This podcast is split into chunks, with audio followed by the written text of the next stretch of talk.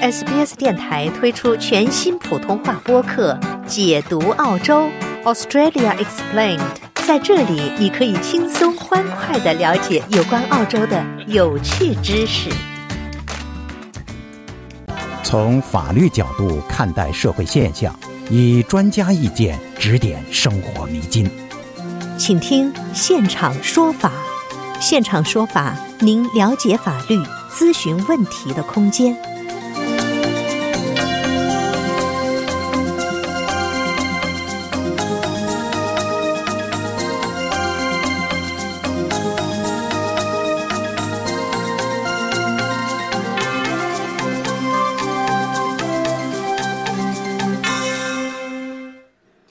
听众朋友们，早上好！欢迎您收听 SBS 广播中文普通话节目周二早的现场说法听众热线节目。今天我们想与大家聊的话题是，根据我们上周的话题而言啊，收到了许多听众反馈，想要了解更多关于 Citizen Arrest 的情况。回顾案例为近日在悉尼华人区两名超市店员当街制服涉嫌偷盗的顾客而引起的热议。那么，一些人认为店家做的对，一些人则认为店家这么做可能侵犯了这个人的权利。那么，在澳大利亚偶遇这种涉嫌违法的行为，应当如何应对？如果强制扣留这种嫌疑人，是否被控告身体和心理伤害的风险呢？以及行使所谓的市民逮捕权的法律风险？此外，对于普通人而言，每个人是否都有这样的权利呢？今天我们邀请到奥和绿业管理合伙人林慧明律师与大家一起来参与讨论。林律师，早上好。早上好，浩飞，听众朋友们好。哎，您好。我们这个今天的话题是延续上一周的话题啊，同时我们也收到非常多的听友他们的意见和建议，他们觉得可能会。更多的想了解一下关于就是普通人面对行窃的情况，包括当然不只是行窃的情况，就是我们在日常生活中可能也会遇到一些突发的情况，我们无法及时报警，或者说根本来不及去寻求呃警察或者是呃 authorized officer 的帮助。那么在这种情况下，我们普通人应该去做什么呢？我们上周也聊到了。关于 citizen arrest，今天我们首先来回顾一下，请林律师跟大家讲解一下什么是所谓的 citizen arrest。嗯，是的，呃，citizen arrest 呢，我们用中文翻译呢叫做市民逮捕权，是指啊，作为一名未经正式宣誓的警察官员，比如说我们只是个老百姓，但是这种情况下呢，我们知道另一个人正在犯罪，比如说是盗窃、袭击或或或犯罪毁坏。等等，那么我们去拘留这个人，或者已经拘留了这个人，而被赋予的法律上的权利，豁免了我们对这个人的某种某种拘留的行为所造成的法律的影响，那么这个权利呢，叫做市民逮捕权。嗯，那么我们也看到啊，有很多听友在关注的问题就是，这个相关的定义市民逮捕权利的法规有哪些呢？嗯，呃。首先呢，允许您在适当情况下进行进行市民逮捕权的法规啊，如下两点。第一点，如果他有合理理由相信另一个人正在犯罪或者已经犯罪，那么不是警察的那个人可以在没有逮捕令的情况下去逮捕另一个人。第一点，第二点，嗯，逮捕另一个人的人在。应该在逮捕之后呢，尽快安排，呃，在另一个人身上，就被逮捕的人身上找到的任何财物，或者去呃呃扣留他之后所拿到的财物啊，应该交付给警察。此外呢，根据法律要求，必须合法的告知被拘留的人拘留他们的原因，除非嫌疑人的这种行为啊，使得告知他们变得不切实际。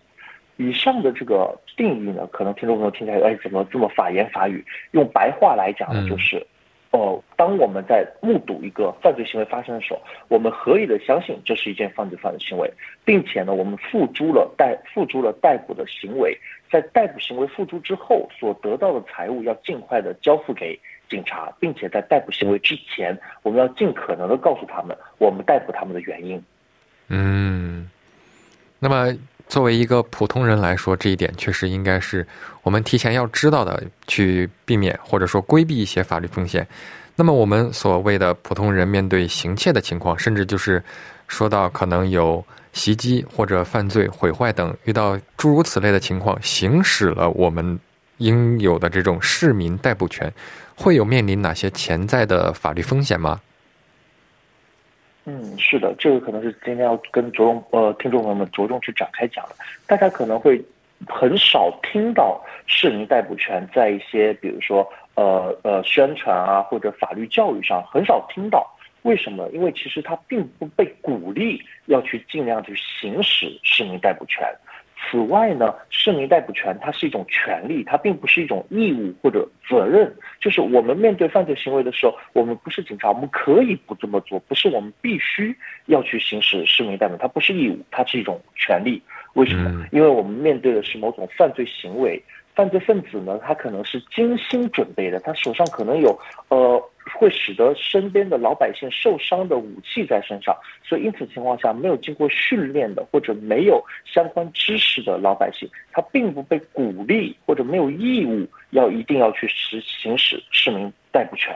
所以呢，呃，这是一方面，呃，行使的时候我们必须要记住，这是一种呃义，这是一种权利，它不是义务，我们不需要去冒着某种风险。在自己被伤害的情况下去去去阻止他人的犯罪行为，这第一点大家要要一定要记得。第二种就是我们在做这种法律行为的时候要小心，如果我们过度了，我们可能会面临某种呃，反而会面临某种法律上的责任，比如说可能会被指控为攻击罪，或者是这个虚假监禁的这个索赔。如果我们不能判断好他是否是真的在犯罪，或者我们的市民逮捕权是否过度了啊？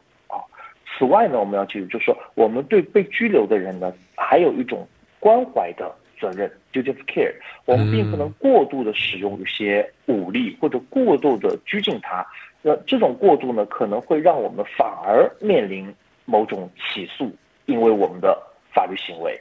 此外呢，也要注意是否会面临虚假禁令而索赔的民事赔偿风险。这些都在市民逮捕权当中没有经过训练或者没有知识的话，很有可能过度所引发的额外的法律风险。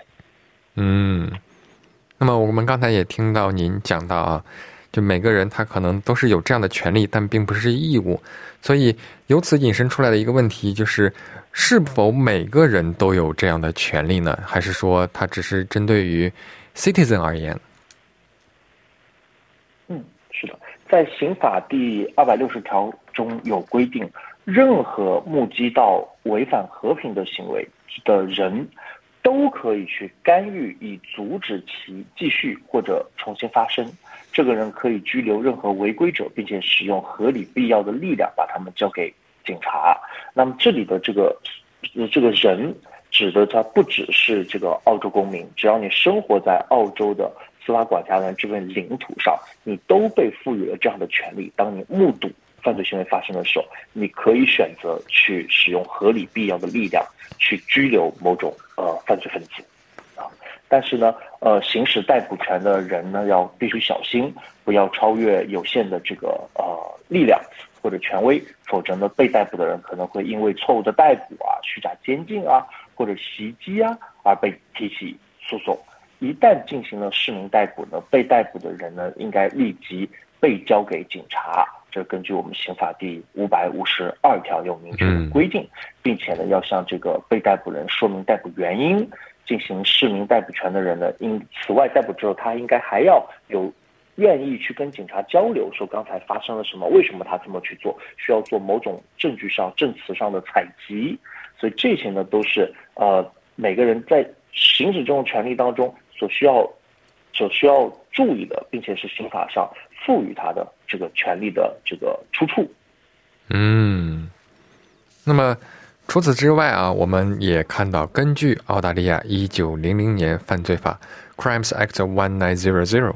第两百一十八条规定，非警员在有合理理由相信某人正在或刚刚犯罪，可以实行逮捕。这个呢，是否适用于我们在案例中，也就是上周讨论到的这种盗窃行为呢？嗯，是的，那么在一九零零年犯罪法呢，呃，您刚才提到一九零零年犯罪法呢，它是澳大利亚的一项立法，管辖着新南威尔士州的广泛的犯罪行为和刑法。那么，呃，它之后呢也经历了不少的修改，以反映社会和法律体系的变化，包括我们刚才说的市民逮捕权这个定义的不断的发展。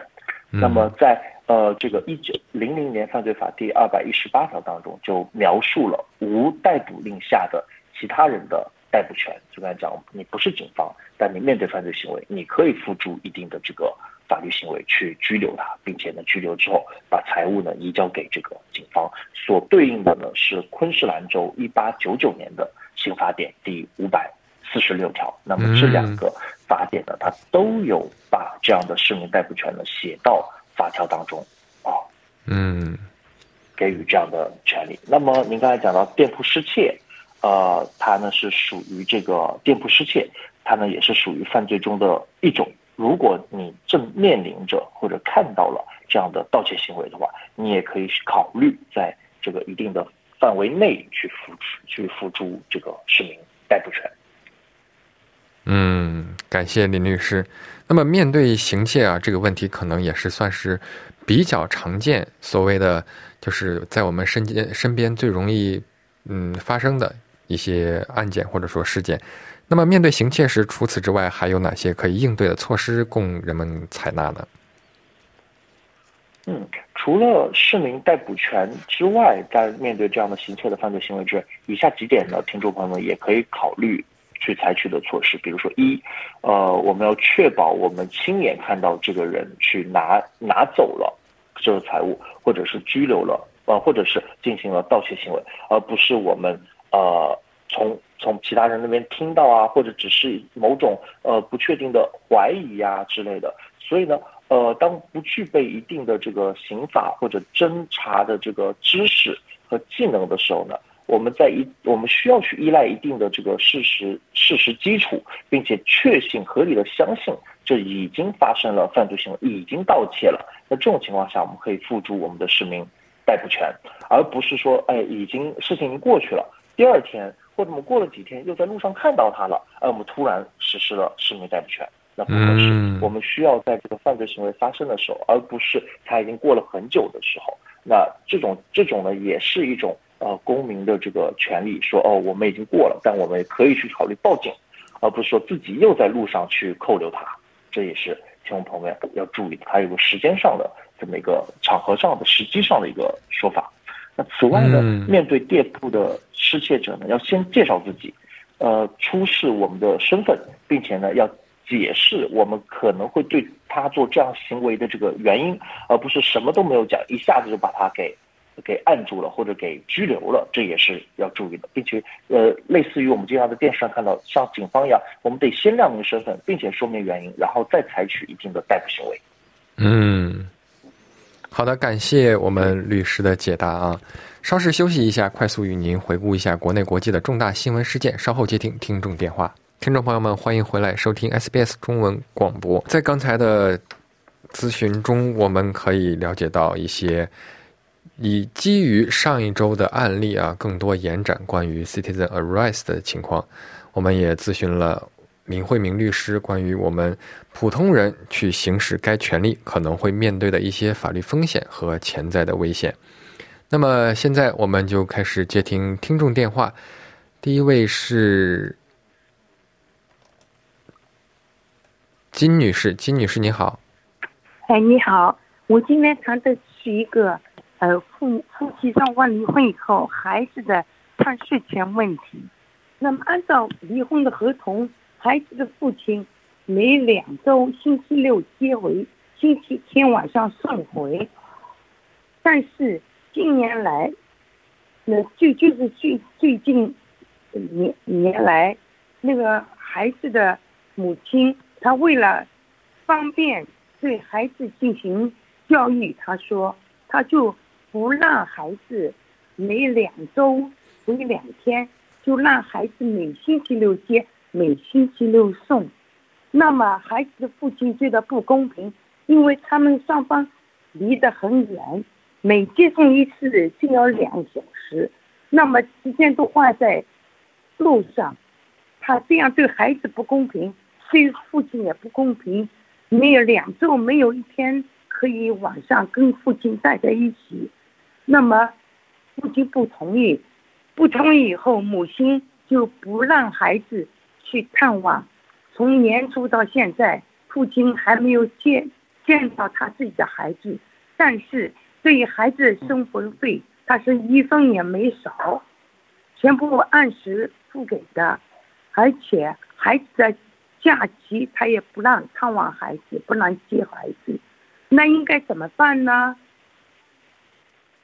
嗯，谢谢您，金女士您的问题。您的问题呢是跟家庭法有关，在家庭法当中的抚养责任跟抚养权利。那您刚才提到说，双方呢已经可能有了一本关于探视的相关的协议，现在女方呢可能并没有对这个探视的协议进行遵守，按照这个协议呢进行履行。那这种情况下，我建议以下三步走啊。第一步呢是，呃，父亲呢可以自己或者委托律师先给对方一个书面上的一个表达。这个书面上的表达呢，我建议有两点。第一点呢是要告知在过最好有个日记啊，在告知女方在过去的，比如说几月几号到几月几号到几月几号，他本应该得到探视孩子权利，并且孩子也本应该有权利见到他父亲的手。这几个日期可能罗列下来有几十个日期，都被女方在。呃，一定理由之下或者不合理由之下，给给更改了或者被拒绝了，先让他知道事实发生了。第二点，面对这样的事实呢，女方她应该怎么做？根据了以前的协议，让她去重述这样的协议的内容，并且重述父亲的这个呃权利。呃，此外，如果没有遵守这样的责任的话，那这个母亲可能会面对什么？我建议第一个是这样的律师信要表达到当中要包含可日记记录，包含之前协议当中提及的责任跟权利，以及如果没有遵守可能会面对什么。这第一点。第二点，如果确实因为孩子的长大，使得以前的探视的时间并不是一个科学合理的安排了。那这种情况下，双方可以再去一谈，去谈出一个新的抚养的安排。比如说，呃，周六去，周日回，呃，太不太现实。对于孩子现在的成长计划或者两个居住的距离的话，那可以变成假期怎么带，或者呢变得长一点，一周一周去带，或者两周一周去带。双方可以去修改的，而不是比如说不合理。呃，孩子长大了，有额外的安排了。呃，双方距离远了，那就不遵守以前的，那就变得男方不能探视，那这样不行。双方可以重新谈一个呃这个合同的版本和时间。这第二步，第三步，如果前两步都受到了障碍，那第三步呢，可以去法律提法法院家庭法院提起诉讼，表达出这个过去女方的对于抚养协议的违约。那此时。可以通过法院去付出相关费用，但第三步呢，也是时间成本跟经济成本相对较高的，最好能在第一步跟第二步就完成一些新的这个呃产出跟法律的这个呃文件，使得双方有新的法律基础去呃更好的在现在的情况下去履行这个探视探视权。金女士，他的父父亲已经请律师写信给母亲了，但是母亲不理。嗯。还是不让看望。嗯，理解。那么我如果到法院去，孩子会不会受伤害呢？呃，如果相对比较去法院上，孩子可能会面临的一些难处。呃，长远下去，孩子一直见不到父亲，或者父亲不能按照抚养协议来，呃，跟孩子探视，这种伤害可能会更大。嗯，谢谢金女士的咨询。好。哎，谢谢您。好，谢谢你啊。OK，谢谢。谢谢金女士。下一位是沈先生。沈先生，你好。哎，你好，你好。你好。哎，你好，我们听得到您，您请讲。呃，这样的，我的问题是，呃，我就是在一个路口停车之后呢。呃，然后我查了一下 GPS 啊，我的我用了一下手机，但是我的手机是在那个，呃，是在一个那个那个 hold，就是这个架子上的啊，我就是用手摸了一下屏幕，检查了一下路线嘛，嗯，会做一些准备，呃，也是为了安全驾驶嘛，是吧？然后呢，警察看到了，啊，警察可能他在我的后面嘛，车子停在我的后面，我们在等那个、等那个红灯的时候，啊，他可能看到了，然后呃绿灯开了之后，我我就走了，走了之后他就他也走，就拦下我，拦下我之后给我开了罚单，开了罚单，现在呢，嗯，因为上次我咨询过，就是这种情况我也查过，应该是没什么大的，嗯，不犯法不犯法的，然后我就申请那个，呃呃呃，走法律嘛，就是法庭，我现在是收到那个 court attendance notice 了，那我现在想问一下，嗯。我要请律师吗？还是说，因为我在现场可能也不是我还没参加过嘛，呃，因为，嗯，我我可能也听不太懂啊，就是要不要请律师或者请嗯翻译之类的？嗯，是的，呃，谢谢陈先生。面对这样的情况呢，肯定是强烈建议您啊，要首先呢，我们在法庭上我们得理解法官说了什么，并且要理解警方出示了什么证据。呃，我们不能因为语言啊，或者因为法庭知识或者经验啊，而在这方面呢处于一个劣势。所以呢，律师或者是当庭的这个一些翻译啊，它能够帮助，但是这要提前去安排，而不是当场，当场不一定会安排得到的，就必须要提前去安排。那这种情况下，律师呢可以帮助到您，起码让您理解当时发生当场会发生什么。此外，在理解的情况下，律师会给您建议应该怎么去做选择，选择，比如说是认呐、还是不认呐、呃，还是有理由的解释去申请豁免啊之类，这这些都要表达的。但是首先呢，您可能要知道，在不同的州啊，对这个交通法是有一定的这个呃呃相对的区别。那相对一个大的原则呢，就是如果不是 Uber，如果不是这个呃网约车的司机的话，那么原则上是不能在车辆启动的时候去触碰手机的，除非有一些比如说紧急情况啊、医疗啊、救救生啊这样的这个呃豁免的理由，不然的话，它这个其实还是蛮严格的。所以我会建议您一要回忆一下当时的这个场景是否有什么豁免的理由，可呃这些可能是什么。第二，在面对法庭的时候呢，尽量还是要有律师来帮助到您。那在最最低的限度呢，也是要让您保障您要听得懂。这种情况下能表达清楚，这种情况下，所以以上两点呢，呃，供您在出庭之前呢有个参考。那那我想问这个律师，我看那个 attendance notice 上面没有没有讲这个他会提供什么律师的帮助之类的，我我怎么找呢？我申请怎么呃，申？您可以通过，比如说，对对，您可以通呃呃，首先呢，他不一定有足够的资源，或者您不一定符合他法律援助给您的这个呃资格，因为它资源也是有限的。那您可以去它呃这个法，您在不同的州啊，您在那个网上去进入这个法庭的这个网站，法庭网站当中呢，一般都会有额外的，比如说法律援助的那个板块，您可以在上面得到一些信息。OK，好，这个是一个问题。第二个问题就，是，谢谢如果这沈先生。个不是，我还有一个问题，如果这个官司啊，就是这个官司输了之后呢，呃，会影响呃有有什么记录会影响什么 citizen 的那些资格吗？嗯，我很难讲说单个记录是否会影响，但是呢，在 CT 的去申请的时候，原则上是要揭露的。呃，揭露之后呢，然后呢，会会进行一定的被考核，说这样的记录是否会影响到入籍。嗯，好的，谢谢沈先生的咨询。听众朋友们，欢迎回来，让我们继续接听听众电话。这位是王先生，王先生您好，您好，主持人，哎，您好，呃，林林律师您好，我我的问题是关于这个 banking 和的 finance law。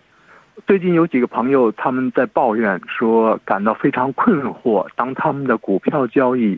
和这个交割之后，受到银行的非法的封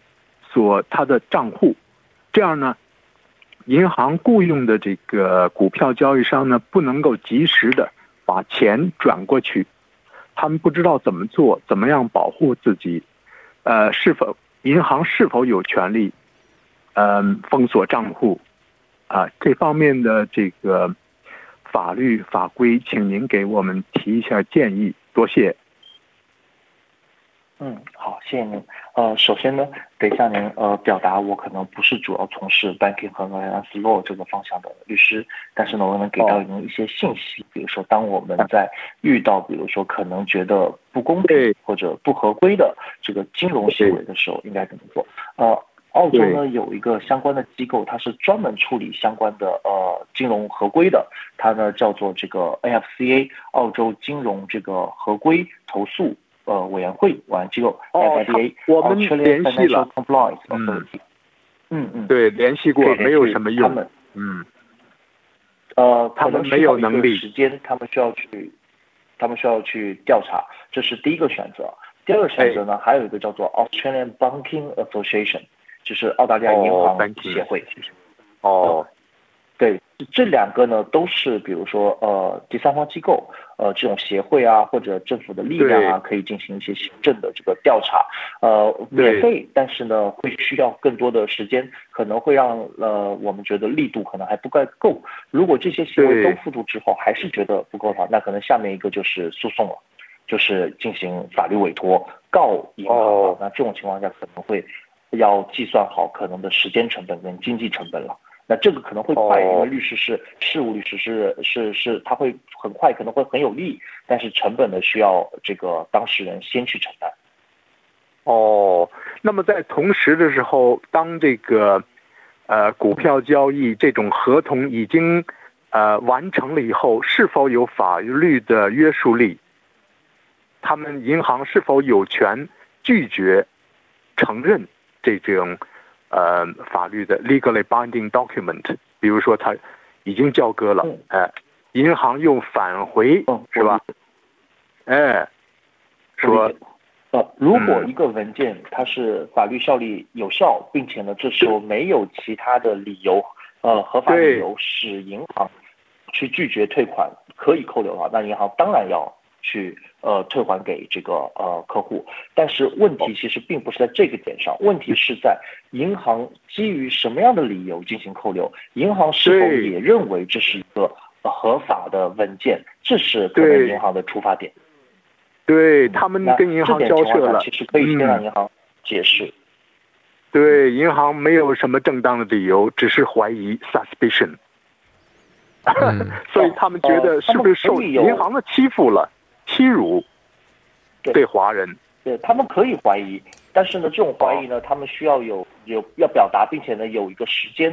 的 commitment 的告诉说，哎，我们要大概通过多少时间调查。那同时客户也可以表达说，那请你出示进一步的怀疑的证据，并且呢，请你在一定的时间之内完成这个调查，并且呢，请你要承担，比如说你可能因为调查不力，可能会给我造成的损失，这是客户从这个呃法律上可以去表达给银行知道的。好，嗯，谢谢王先生的咨询，祝您顺利，谢谢，哎，非常好，多谢。接听下一位听众电话是洪先生，洪先生您好，哎，你好，我想关于嗯咨询一个关于就是呃汽车方面的问题，就是汽车法律方面的问题。如果我把车借给了朋友，然后朋友。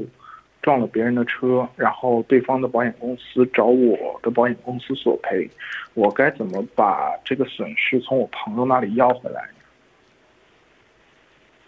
呃，就是我借给别人车，然后别人撞，呃，我朋友撞了别人的车，我该怎么去挽回损失？嗯，好的。呃，首先呢，一方面如果有保险的话，那保险公司可能会去承担，那但保险公司也可能会拒绝承担。那如果接受承接受呃受保的话，那您依然要去出具那个 excess fee，就是呃出险费。那如果拒绝承担。保险的话，那您可能会付出更多的费用，比如说跟银行的交涉的这个律师的费用，也可能包括您自己因为拒绝银行拒绝而自己的去修复这个车辆的费用，甚至给别人造成这个损失的费用。那这两种情况呢，都会使得呃我们借了朋友车，朋友的行为使得我们遭受了恶劣损失。但在第一种情况下呢，可能我们追向朋友追的金额呢比较少，就是一个出险费而已。那这种情况下呢，其实呃是。是有权利去追究，但在第二种情况下，可能追究的难度就大了很多，因为呃，第二个呢，可能金额涉及大了很多。但如果朋友确实是因为不慎驾驶给别人造成了损失，驾驶人也不是您，呃，也没有经过您的，甚至是没有经过您的同意，呃，驾驶了某一个不应该驾驶的路线或者是驾驶行为的话，那这种情况下呢，呃，呃，您自己或者您委托律师可以跟他进行交流。呃，原则上呢，可能呃，保险公司或者是没有第三方的，像刚才讲到的社会的机构啊，或者政府的机构啊，可能这样的选择会比较少，去帮助您去追讨，可能更多是依赖于您自己。和您自己委托律师的力量去追讨它，因为这会变成是一个民事行为。如果是这种就是金额比较小的出险费，除了我自己要以外，其实没有其他方式，比如说法律途径去，呃，强迫朋友去，呃，付这个费用，对吧？嗯，在我的知识范畴当中，没有政府的。对，在我的知识范畴，可能没有政府的机构或者协会去协助当事人去追讨别人出险费的这个呃这个选择平台。嗯，好，谢谢。嗯，谢谢。好，下一位听众电话是吕女士，吕女士你好。喂，你好。是，哎，你好。哎，你好，李女士。哎，呃，呃，是我。哎，啊，我是在维州的，可是我是有一个问题想问一下，就是说我们维州，我刚跟我老，我是打工的嘛，然后我跟我老板，我做刚做满了十年，然后我跟我老板说，我们有没有权利要那个啊 long service leave？可是那我老板就跟我说，他们这个公司是没有给这个福利的。我所我想问一下，是不是有这个这这个条件呢？Hello，谢谢您的问题。呃，在哎，刘女士，我能听到的问题，谢谢您。呃，您可以在这个呃网站上啊去看到 f a i r w o r k 的网站啊去看到所有您可能能赋予的被法律赋予的这个权利。它上面呢，甚至还有这个中文的版本，您可以就下载这个叫 Information Statement。信息声明，那您可以下载这个信息声明呢，直接给您的这个雇主啊去交流，说您已经达到了某些的条件，您可以去要求某些的福利或者是假期或者是待遇。这样的信息声明呢，只用去检索啊 f i e l work Information Statement” 这四个关键词就可以下载到，上面有相关权利的这个呃描述。嗯哼，对，哦。那就好，那我就先在这方面搜索一下。可是我有看过了，就是说我们是按的那个 long service。谢谢您，李女士。我们时间到了，由于时间关系，今天的节目要和您说再见了。呃，法律问题复杂，本节目仅供一般性参考，具体法律问题请咨询专业律师。